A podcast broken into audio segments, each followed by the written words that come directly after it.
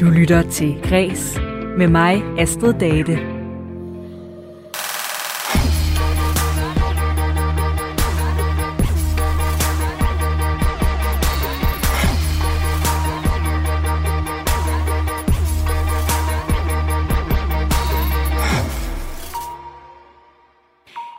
Vi er endelig begyndt at kunne komme øh, ud igen og nyde det danske kulturliv. Og det rækker faktisk også øh, længere end nu, øh, end til bare herhjemme. Der er så småt begyndt at blive åbnet op for, at vi kan tage på ferie igen, uden at der er krav om, at man skal i karantæne bagefter. Som vi også lige kunne høre i nyhederne, så er der jo netop blevet åbnet op for hele Portugal.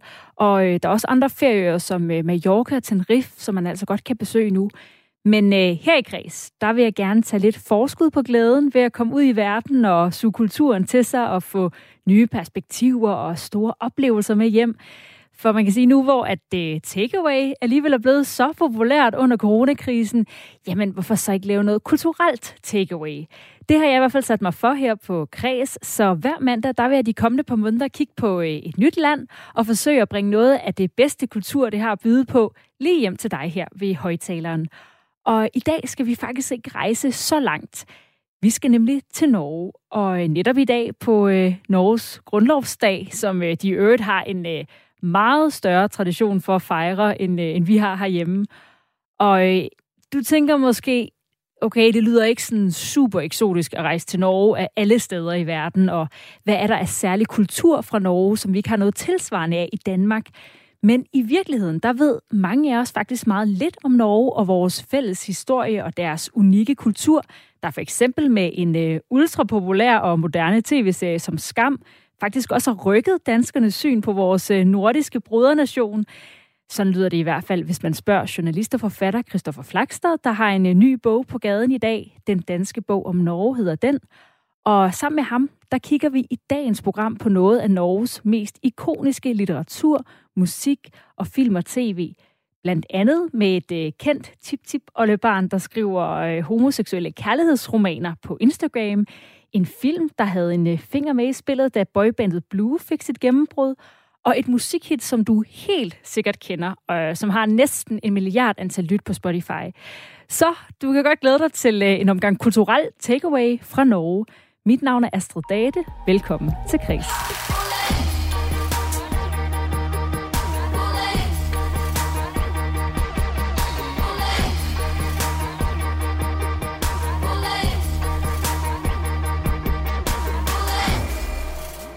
I programmet i dag har vi altså den her øh, kulturelle takeaway fra Norge på menuen, og øh, det bliver med nogle af de bedste eksempler på norsk film, tv, litteratur og musik gennem tiden.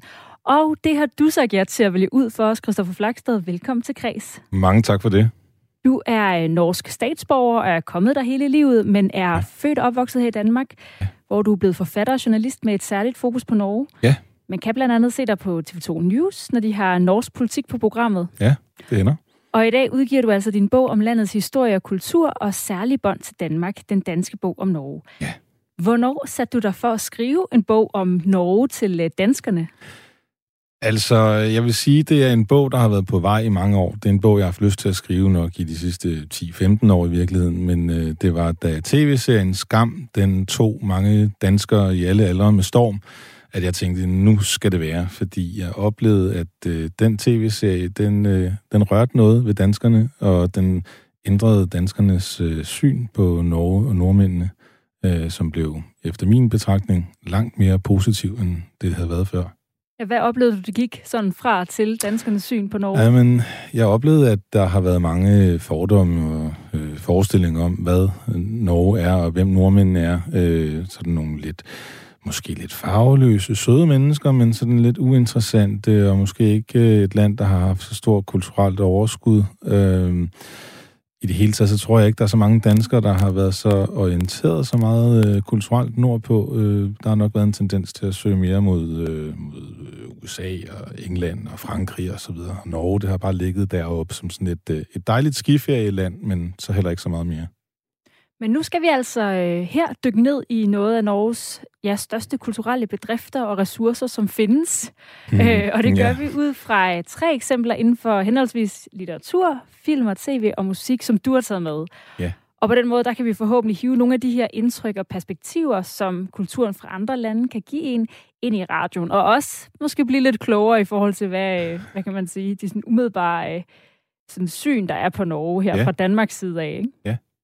Og vi begynder med film og tv. Og det første, du har valgt, er en film, hvor øh, du derude måske kender temasangen bedre fra den her version.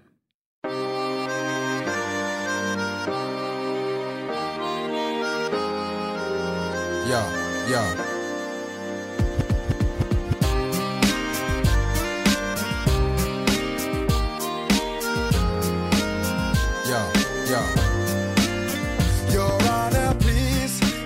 Det var lidt af den britiske gruppe Blues musiknummer All Rise. Og her er temasangen så fra den film, som øh, vi skal til at snakke om.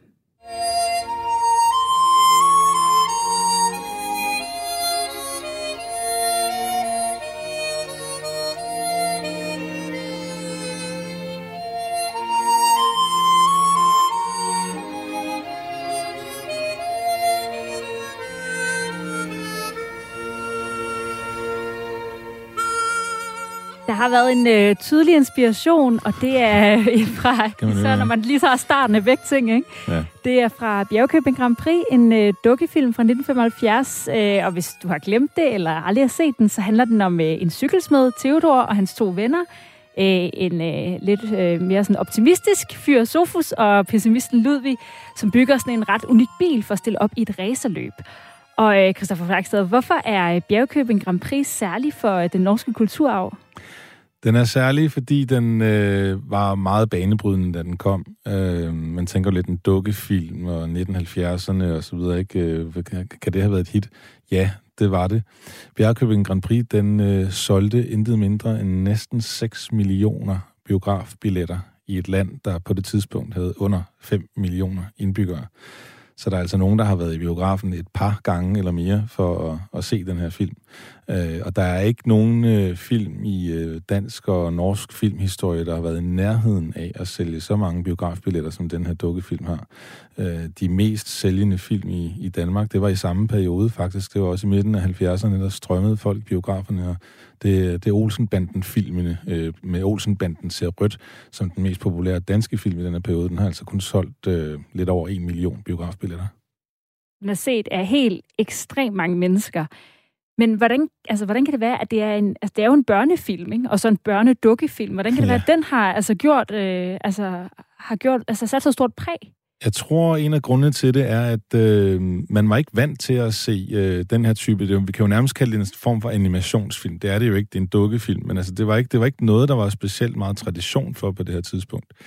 Øh, og så skildrer den også et, øh, et lidt eksotisk miljø, som egentlig ikke er specielt norsk, Øh, karaktererne i filmen er heller ikke specielt norske. Der kommer jo blandt andet en, en arabisk olie øh, til, øh, til den her lille bjergflække, bjergkøbing. Øh, så det, det, er, det, det er et ret internationalt univers, øh, filmen skildrer som sådan. Øh, og så er det jo bare det her med det her øh, vedløb, altså øh, bilræset, ikke? Altså det er sådan nærmest ikonisk. Vi kender det jo også fra, fra andre film og fortællinger. Ben Hur og sådan nogle film for eksempel, ikke? Altså hvor der er sådan et, et vedløb, øh, et race, der ligesom er omdrejningspunktet. Det tror jeg, det, det talte nok til, til mange. Og så var musikken jo noget, hører også noget helt særligt, og øh, ja. har jo også en øh, dansk historie. Ja, det har den. Øh, filmens øh, bagmænd, Ivo Caprino, instruktøren og de andre folk, der var med til at lave øh, Bjergkøbing Grand Prix, de, øh, de tog øh, kontakt til Bent Fabricius Bjerre, øh, som på det tidspunkt allerede var et, øh, et kendt navn, også i Norge. Øh, han, er, han var jo kendt for at have lavet Olsenbanden-temaet på det tidspunkt, blandt andet, og, og hans store hit, Kat. Og de spurgte simpelthen ham, om, øh, om han havde lyst til at komponere filmens øh, musik, og det sagde han ja til. Øh, og så tænker man, okay, dukkefilm og så videre, det er nok noget, han har siddet og lavet lidt øh, på en halv time og så videre, et venstrehåndsarbejde, men det var det bestemt ikke. Han gik meget, meget øh, detaljeret til værks i sin måde at komponere på, øh, og har senere udtalt, kort før han døde, at, øh, at temaet, som vi lige øh, hørte her øh, for lidt siden, faktisk er det øh, tema, han, øh, sætter, han selv satte allermest pris på af alt det, han har skrevet. Og det blev så opdaget også af den her øh, britiske øh, popkvartet Blue, ja. øh, og, som, og var en del af deres øh, helt store gennembrud faktisk, ja. øh, med den her debutsingle All Rise. Ja. Øhm, og jeg tænkte faktisk lige, fordi det er jo et godt nummer, så jeg synes lige, vi hører lige lidt mere af det igen, inden øh, vi går videre til, øh, til næste film. Ja.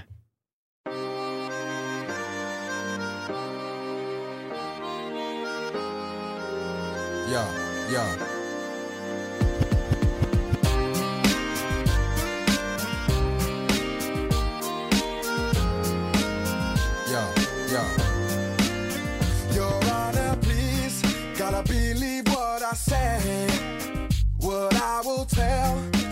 Just the other day.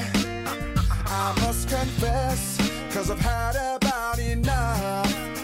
I need your help, gotta make this here thing stop. Baby, I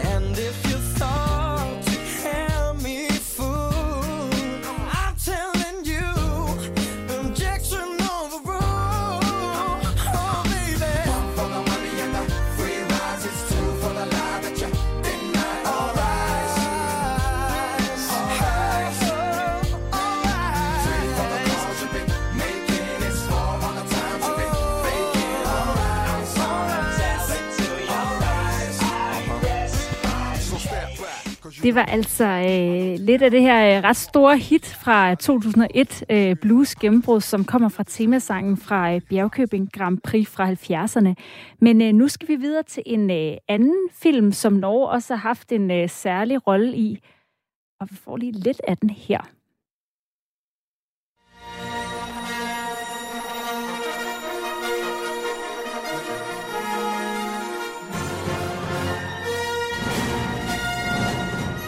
Det er temasangen fra Star Wars A New Hope, øh, som er øh, nummer 5 film i serien.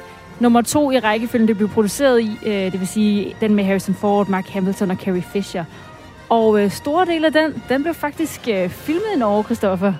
Det er korrekt. Jeg skal dog lige rette og sige, at det er The Empire Strikes Back, og ikke det? A New Hope. Ja, hvad er New... Ah, hvad er New Hope så for en? Det er den første af de originale Star Wars-film. Det er en fejl. The Empire Strikes Back. Det er, den, der, han, det er den, der foregår på sådan, starter på en isplanet. Det er nemlig rigtigt. Den starter på isplaneten Hoth. Ja. Og det er i virkeligheden Norge, ikke? Det er lige præcis Norge, ja. Det kan vi godt sige i hvert fald. Øh, scenerne til, øh, i hvert fald de udendørs, udendørs scenerne til, øh, til The Empire Strikes Back, øh, Hoth-delen, altså den første cirka halve time af filmen, blev, øh, blev filmet i, øh, i Norge, oppe på, på det øh, bjergmassiv, der hedder Hardangerviden, som ligger cirka halvvejs mellem Oslo og Bergen.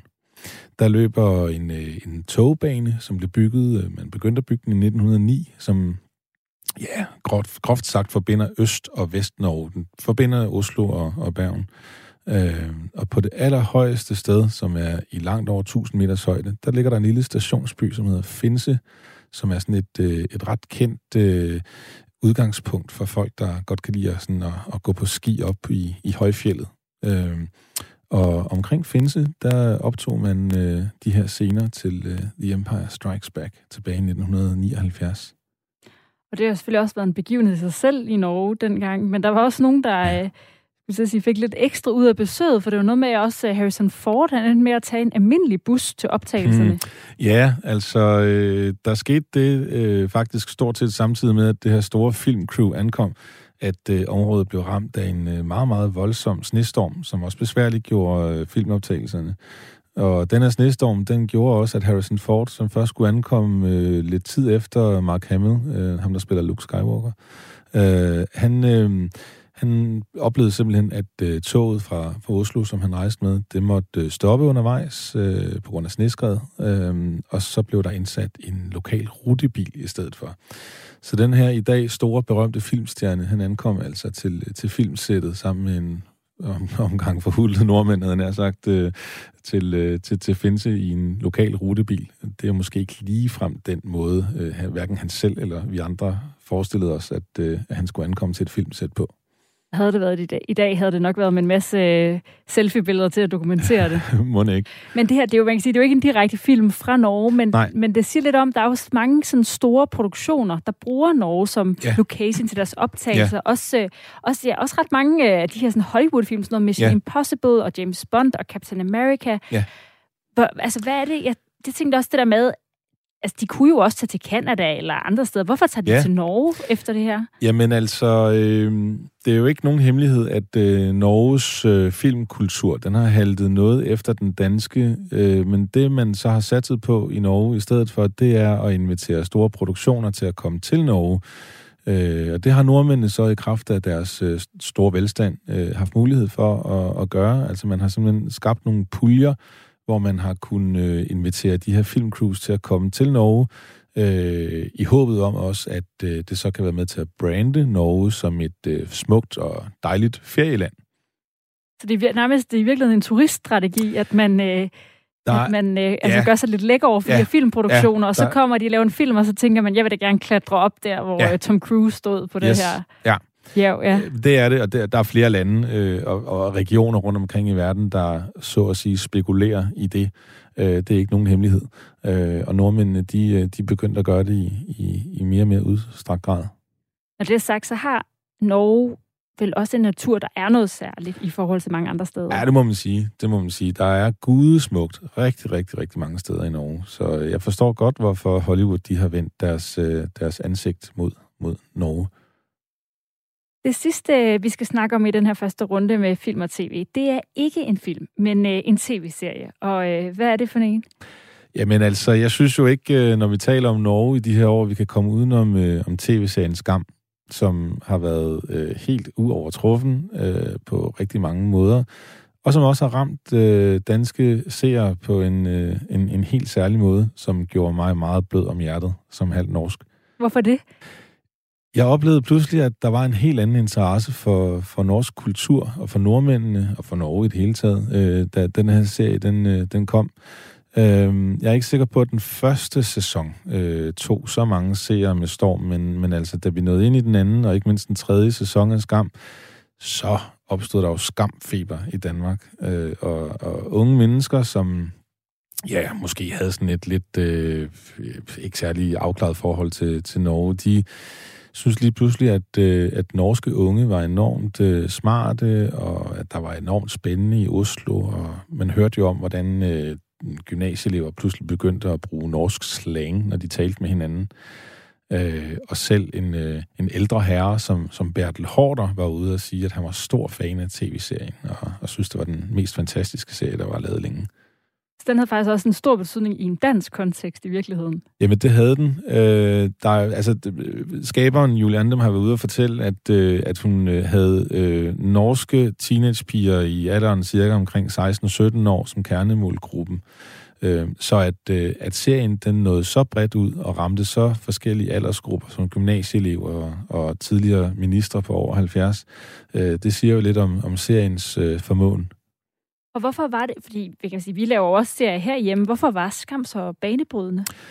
Ja, Det er der nok flere grunde til, men jeg tror, altså, det var nok primært måden, den, øh, den blev fortalt på, fordi selve fortællingerne i, øh, i, i, hvert enkelt, øh, øh i hver enkelt sæson er jo ikke noget unikt. Altså, det handler meget om kærlighed og forældrerelationer og de der sædvanlige ungdomsting. Men måden, øh, måden det blev lavet på, var ny. Øh, altså det her måden, man brugte øh, sociale medier og også skabte, øh, øh, kunstige selvfølgelig, men altså skabte øh, sociale øh, medieprofiler til, øh, til, til karaktererne i serien, måden, man brugte musik på, både helt ny musik og også lidt ældre musik, øh, det var nyt. Det var nyt, og det tror jeg, at mange de tænkte, nej, det her, det, det, det holder, det er sgu spændende. Ja, den spiller lidt på det her ultrarealistiske, hvor man følger ja. fem unge, og så man også kan følge deres, ja. Øh, ja, som du siger, profiler på sociale medier, ikke, som Ja. er lavet fiktivt. Ja. Og det her med, at de blev udgivet, som om det var realtid, når man så det. Ikke? Ja. Hvis det blev udgivet fredag kl. 12, jamen, så skete handling også fredag kl. 12. Ja. Der var også noget i formen, som vi jo også i virkeligheden har været inspireret af, lader det til efterfølgende Mm. herhjemme. Ja, det er klart, når, når en serie bliver populær, og, man kan se det der, der fungerer, så kommer der jo straks øh, nogle andre øh, serier, som, som ligner. I Norge har de altså været gode til sådan at nytænke tv-serier, kan man sige. Men nu hvor vi ligesom har talt om tre nedslag ikke, inden for norsk film og tv med øh, Bjergkøbing Grand Prix, den her børnedukkefilm, og så Ja. Star Wars sådan lidt, øh, altså sådan lidt øh, ved siden af, ikke? men i Mhm. forhold til sådan locations, som, Ja. ja. øh, hvor Norge bliver brugt meget, og så den her tv-serie.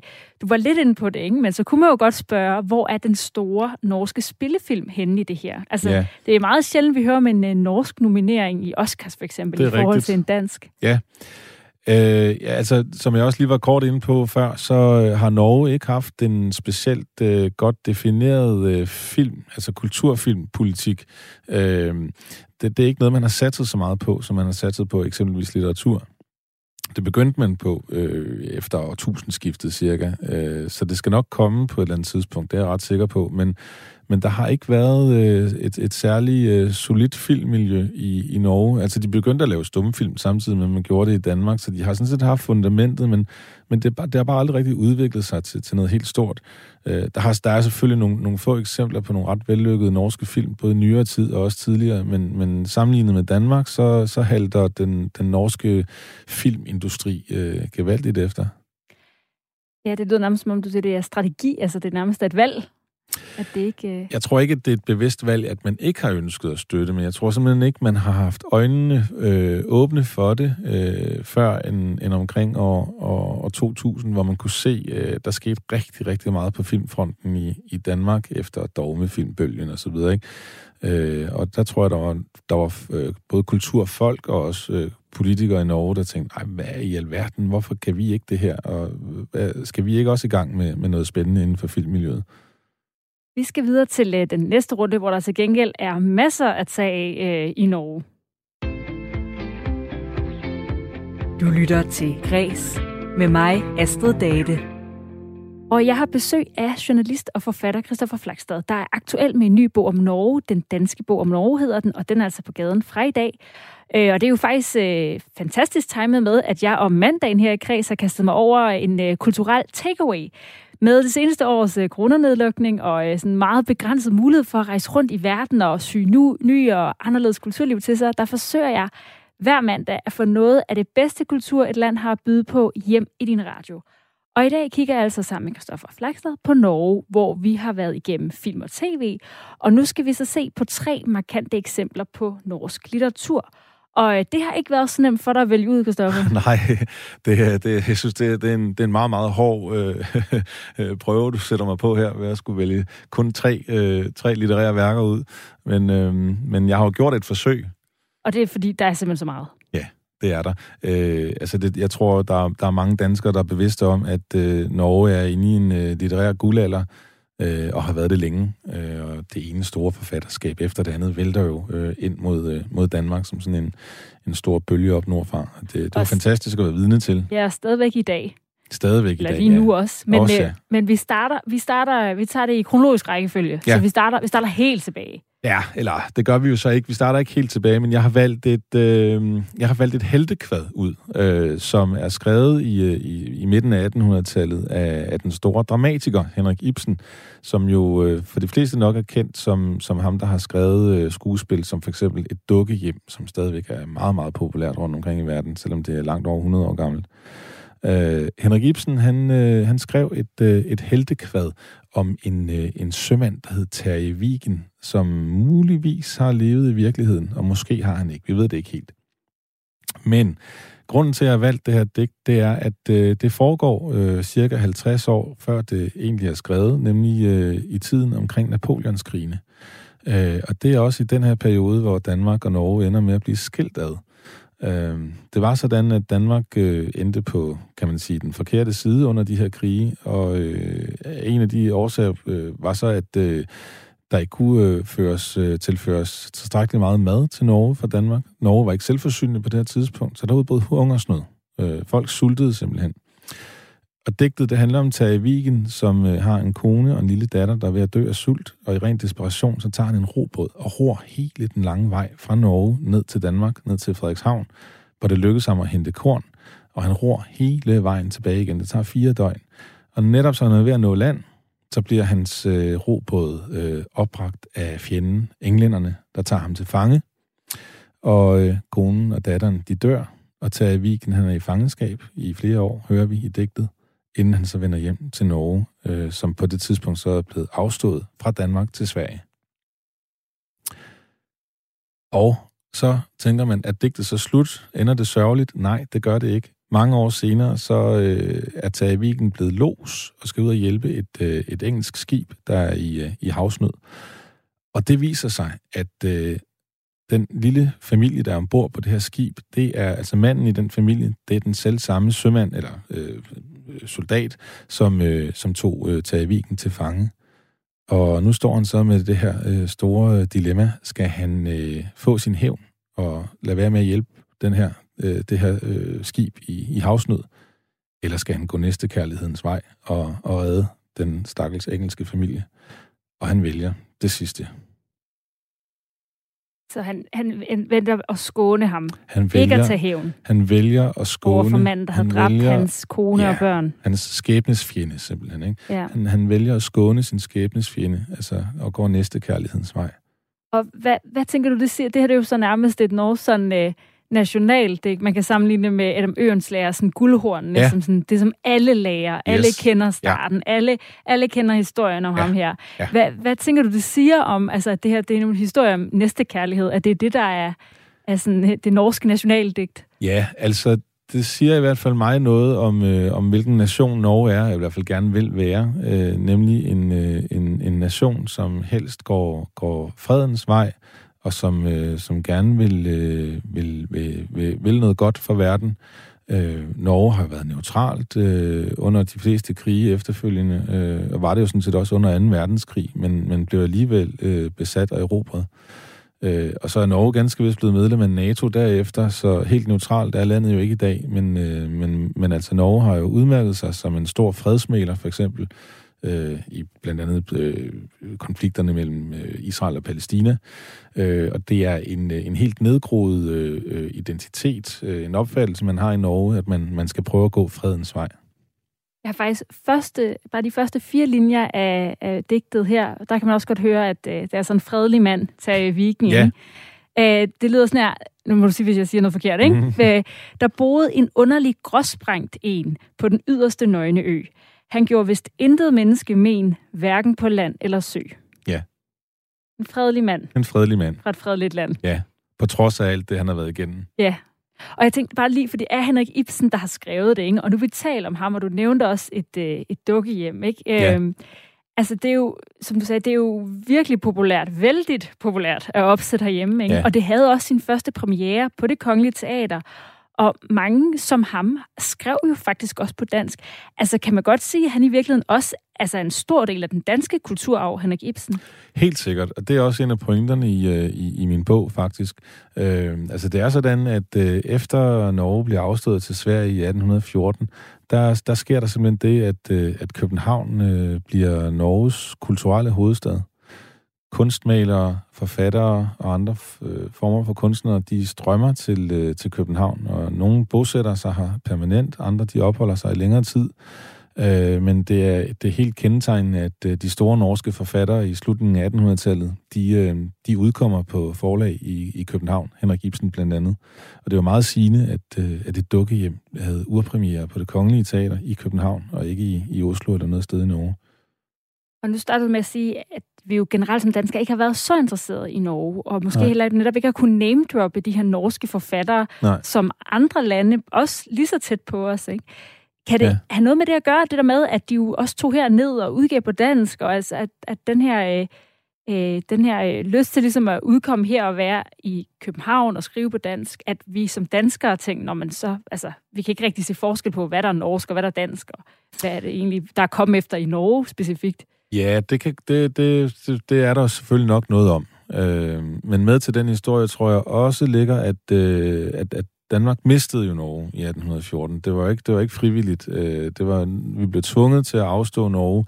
Øh, og jeg tror, man må jo nok sige, nu skal jeg ikke sidde her og være alt for lommepsykologisk, men altså, der sker jo det, når, når, man, når man mister noget. Når man mister nogen, for eksempel, så har man nok en tendens til at lægge det lidt bag sig. Prøve at glemme. Øh, og jeg tror lidt, det var det, der skete øh, i, i, i Danmark i, i årene efter, øh, at vi mistede Norge.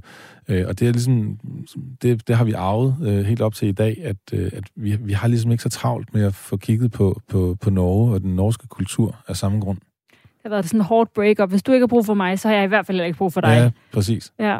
Nu, øh, nu skal vi videre til det næste litterære mm. værk. Og øh, som vi jo har snakket om, der er mange store norske forfattere, og det har været svært for dig at vælge. Ja. Og alligevel så har du valgt en lidt øh, kontroversiel figur faktisk Ja. i norsk litteratur. Ja. Det er forfatteren Knut Hamsun. Ja.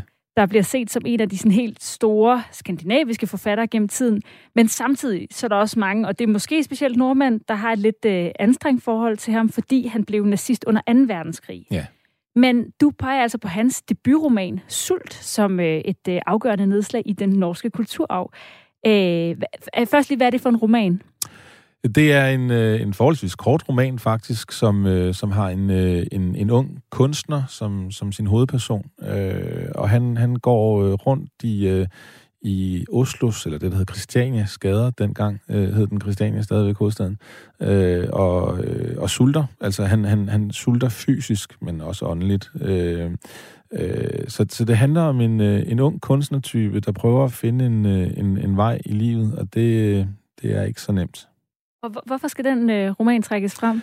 Jamen altså en af grundene til, at jeg godt vil nævne den, det er selvfølgelig også, fordi jeg i den her bog, øh, den danske bog om Norge, prøver at, at, at trække, øh, eller prøve at se på de bånd, der er mellem Norge og Danmark, og jeg synes, Sult er øh, et, et virkelig godt eksempel på, hvor, hvor tætte øh, kulturelle bånd, der er mellem øh, de her to lande.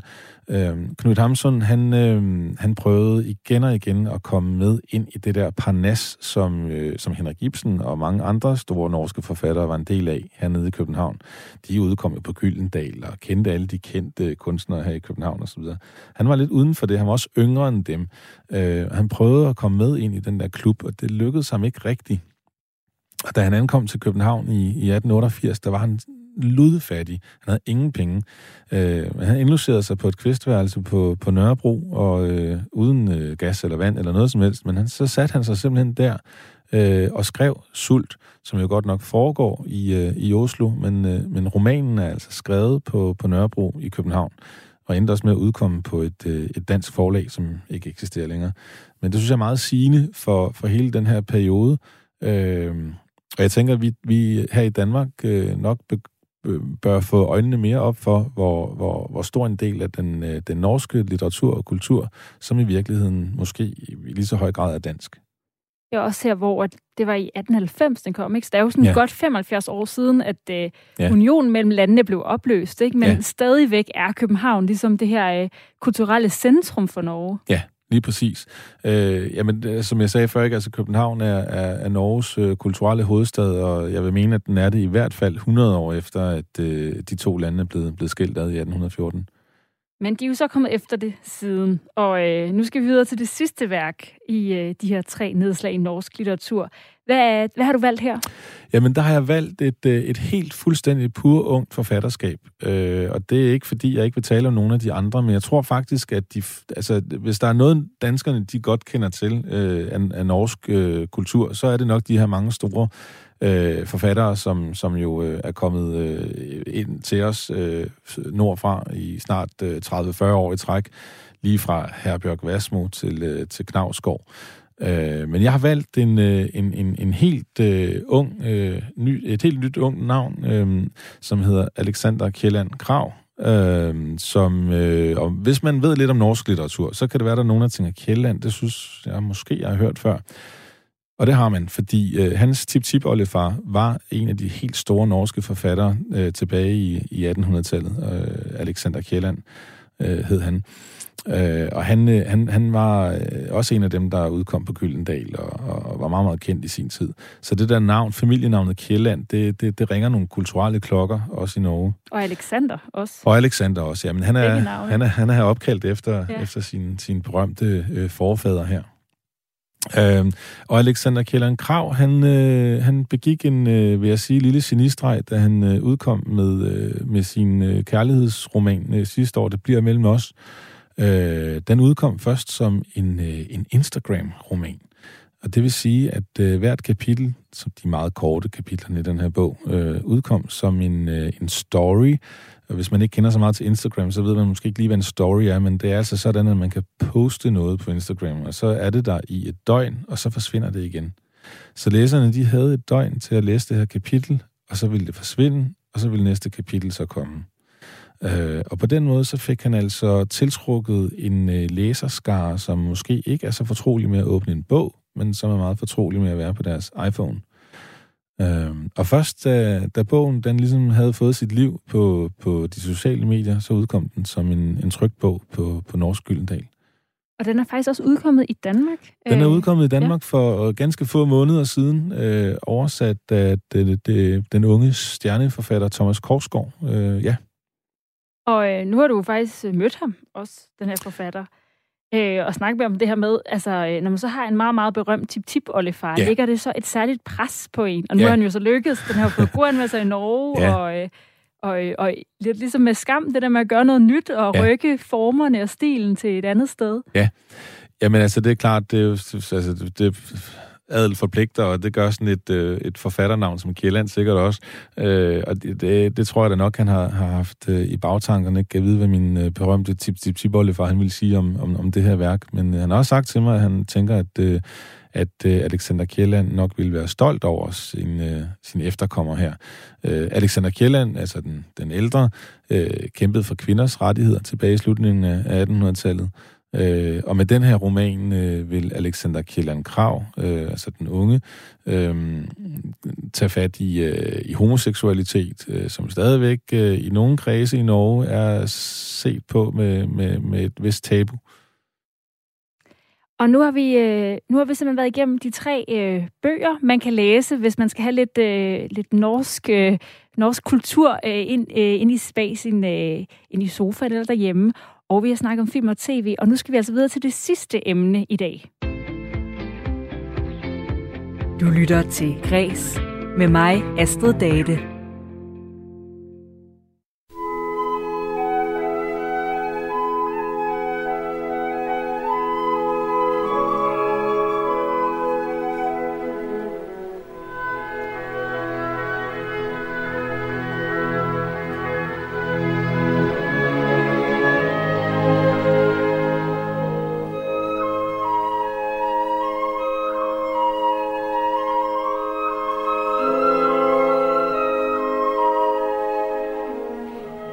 Den her melodi, den begyndte alle mine lyd, lydbøger med, da jeg var barn, alle mhm. historierne. Og den øh, begynder altså også vores næste og sidste runde af vores øh, kulturelle takeaway fra Norge. Sammen med journalist og forfatter Christoffer Flagstad har vi taget fat i nogle øh, helt særlige eksempler inden for norsk film, tv og litteratur for at få lidt af den her kulturelle verden hjem til os i radioen. Nu hvor øh, coronapandemien har forhindret sig at tage ud og opsøge den selv. Og vi er altså nået til musikken, og I begynder, begynder igen øh, med at starte sådan lidt tilbage i tiden først. Ja. Øhm, og øh, hvad er det, øh, altså den her kunstner, vi hørte her, det er jo, det er jo faktisk en, ja, man slet ikke kan komme udenom i virkeligheden. Nej, det, er, det er Edvard Grieg, som øh, jo er et kæmpestort øh, navn den dag i dag på, på, sådan, på, på den klassiske verdensscene, kan man sige. Øh, og jeg tror, de fleste nok godt kan sådan genkende melodien, vi lige har hørt her, øh, som, som Øh, Øh, bliver kaldt for morgenstemning, øh, og som er en af de her meget legendariske kompositioner, som Edvard Grieg han lavede, da han, øh, da han skrev musikken til, øh, til Henrik Ibsens øh, teaterstykke Per Gynt. Og hvorfor er det blevet så berømt, det her musik? Altså, øh, helt, øh, helt subjektivt. Jeg synes, det er en fantastisk smuk øh, melodi. Meget, meget catchy selv den dag i dag. Jeg tror, at en af grundene til, at, at Edvard Grieg blev så stor, som han gjorde, var nok, at vejen blev lidt banet for ham af hans mentor, som hed Ole Bull, øh, og som var et, øh, et kæmpestort navn øh, tilbage, øh, og der skal vi altså tilbage i starten af 1800-tallet.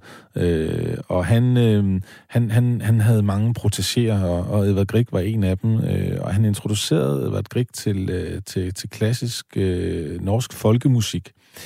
Øh, og det brugte Edvard Grieg meget i sine kompositioner. Øh, så, altså, øh, han var selvfølgelig klassisk skolet, men øh, han skelede også til, øh, til den norske folkemusik.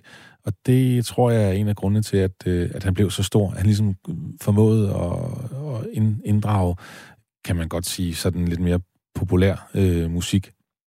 Og han er selvfølgelig også måske stor på den måde, hvor mange kender melodierne, men ja. de færreste kan måske sige, at nå, det er netop lavet af en komponist, der hedder Grieg, og at han er norsk, og Nej. at det i øvrigt er til Henrik Ibsens drama Per Gynt, selvom det ja. er nogle store navne. Ja.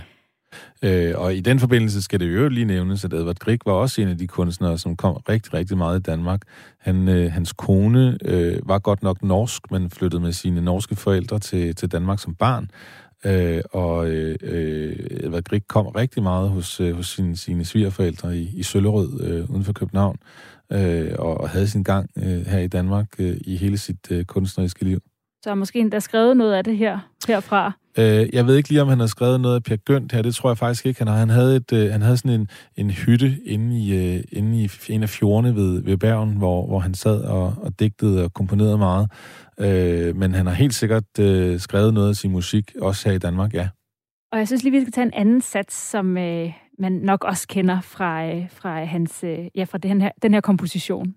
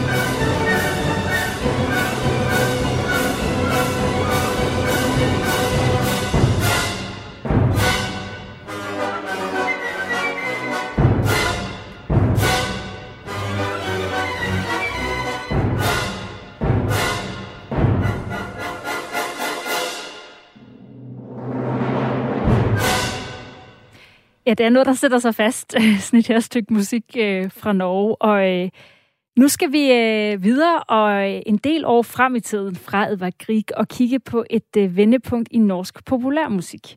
Øh, hvad er den øh, næste sang, du har valgt? Den næste sang, jeg har valgt, det er øh, et helt unikt hit, som øh, tre ret øh, ukendte nordmænd, øh, der tilsammen øh, kaldte sig for Aha, pludselig bullerede ind på verdensscenen med i 1985, nemlig sangen Take On Me.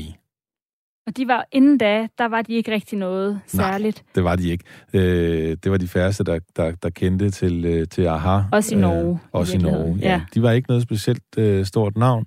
Øh, og altså uden at, at, at sige noget kritisk om bandet som sådan, så tror jeg ikke, det lå i kortene, at, øh, at de skulle blive så store, øh, som de endte med at blive. Men øh, de formåede altså at komponere det her helt øh, fantastiske popnummer. Ja, som da jeg lige tjekkede, Spotify har 900 millioner øh, lytninger der. Ja. Og jeg ja. synes, øh, det synes jeg også lige, vi skal høre, så man, øh, så man har udviklingen. Mm, ja.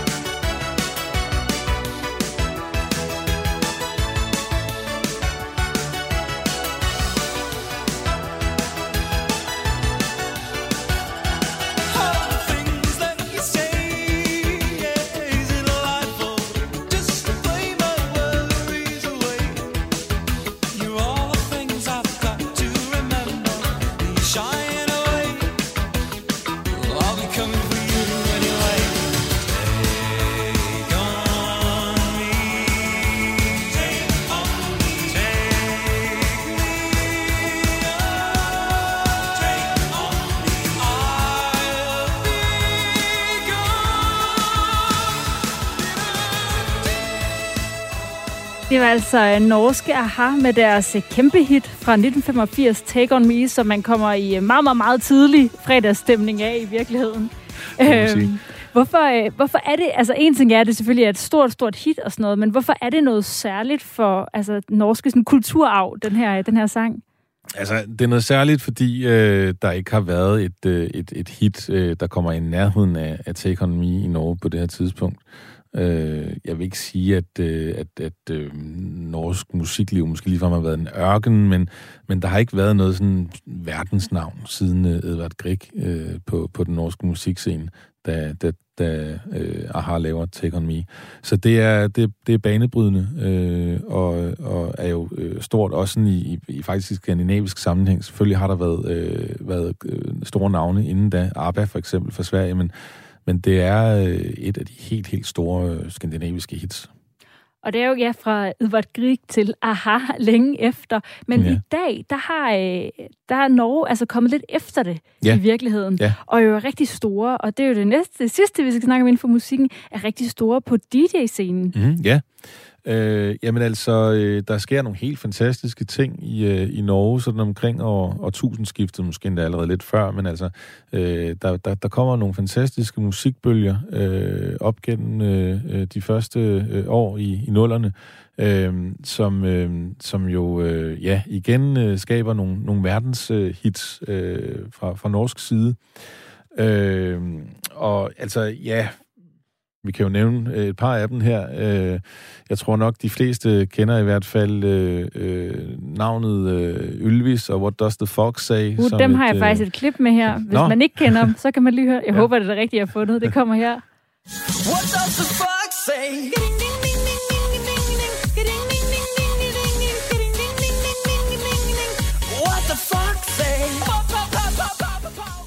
Det var den her, du tænkte på. Lige præcis. uh, og det blev et kæmpe, kæmpe, kæmpe hit uh, i, i USA blandt andet, og i, i mange lande i Asien, og også i Europa selvfølgelig. Uh, og lidt fjollet er det måske, men, men utrolig catchy, og, uh, og meget, meget set på, på YouTube også.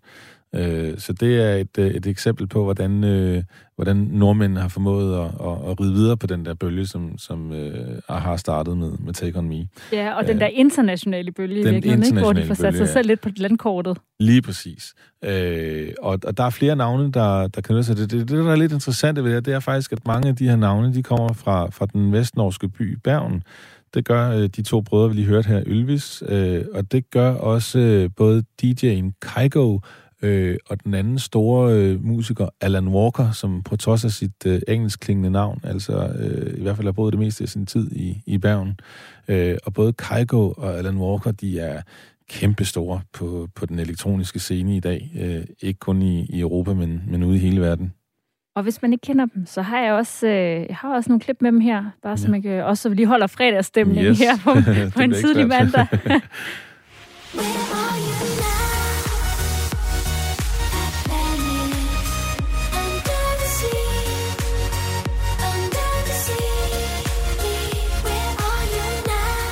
Det her det er Faded af Alan Walker.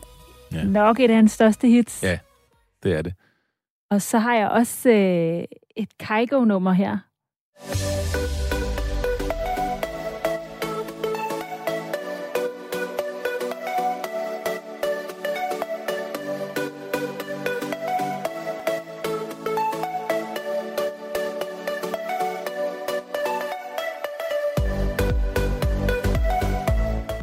Og det er jo virkelig en genre for sig selv, kan man sige. Ja, det, Men hvor de virkelig har, øh, altså, øh, har markeret sig Norge.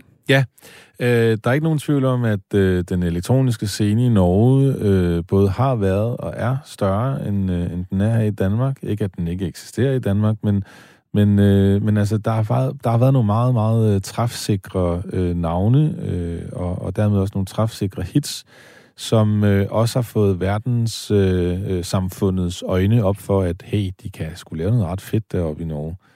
Og nu har vi gennem udsendelsen snakket meget om det her med øh, forfattere, der er mellem, altså de her bånd, der er mellem Danmark og Norge. Ja. Så er det jo oplagt at spørge, hvordan øh, nordmænd egentlig opfatter Aqua.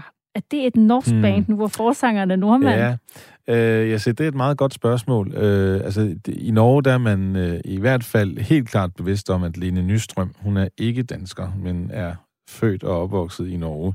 Øh, om man sådan går rundt og tænker, at øh, Aqua er et, øh, et, et norsk eller delvist norsk band, det er jeg ikke sikker på øh, som sådan. Øh, jeg tror også, de fleste er godt klar over, at det er ikke Lene Nystrøm, der, der har skrevet øh, Aqua Sits. Øh, så, så altså, nej, det, det tror jeg ikke. Øh, Jeg, nordmændene har det fint med, at... Øh, den får vi. at den, dem, dem kan vi godt få, ikke? Og Ja. så, så har de så øh, alle de mange andre. Ja, som Kaigo og Alan Walker, vi lige Præcis. snakkede om. Ja, Rygsop, og ja, vi kan nævne dem i flæng. Og nu har vi faktisk været igennem øh, det hele. Vi skulle nu med tre nedslag i henholdsvis øh, norsk film og tv, og tre stykker litteratur og tre tekst på øh, musikken. Og hvad vil du sige, at man som dansker får ud over, altså nej, ikke får ud over, får ud af at kaste sig over de her sådan, øh, kulturelle perler fra Norge, som vi har gennemgået? Jamen altså, man kan jo i hvert fald få udvidet sin horisont, kan man sige. Hvis man ikke kender så meget til norsk musik og norsk litteratur osv., så, så, så kan jeg love alle for, at man får en på opleveren. Øh, man lærer selvfølgelig også, specielt gennem litteraturen, et, øh, et naboland øh, bedre at kende. Øh, man kommer jo indenfor i, øh, i norske hjem og, og så videre, ikke? Øh, så så altså, der, er, der er meget at hente, øh, og også fordi det er et land, vi er så tæt beslægtet med, så kan man i sidste ende også øh, måske lære lidt om, om sin egen nationale identitet her i Danmark. Ja, og øh, lige i forhold til national identitet, det er jo øh, nationaldag i dag i Norge, Det det, ja. og de fejrer det meget mere. Kan du ikke lige hurtigt sætte nogle ord på? Øh, det er jo noget helt andet Jo, end her. altså 17. maj, det er årets festdag, simpelthen. Øh, det er en kæmpe dag, og man kan nok den bedst øh, sammenligne den med Bastilledagen i Frankrig, eller, eller 4. juli i, øh, i USA. Øh, der er fest og farver, og der er flag, og der er lavkage, og der er bobler, og øh, hornmusik, og, øh, og, og gang i den. Og der har du så måtte øh, i gå så nøjes med at tage en tur rundt øh, og fortælle om din nye bog, som du altså Ja. har på gaden i dag. Ja. Tusind tak, fordi du vil øh, også komme her øh, tak. og fortælle om øh, den danske bog om Norge, der altså kan købes fra i dag. Ja. Øh, Flagstad, jeg er journalist og forfatter.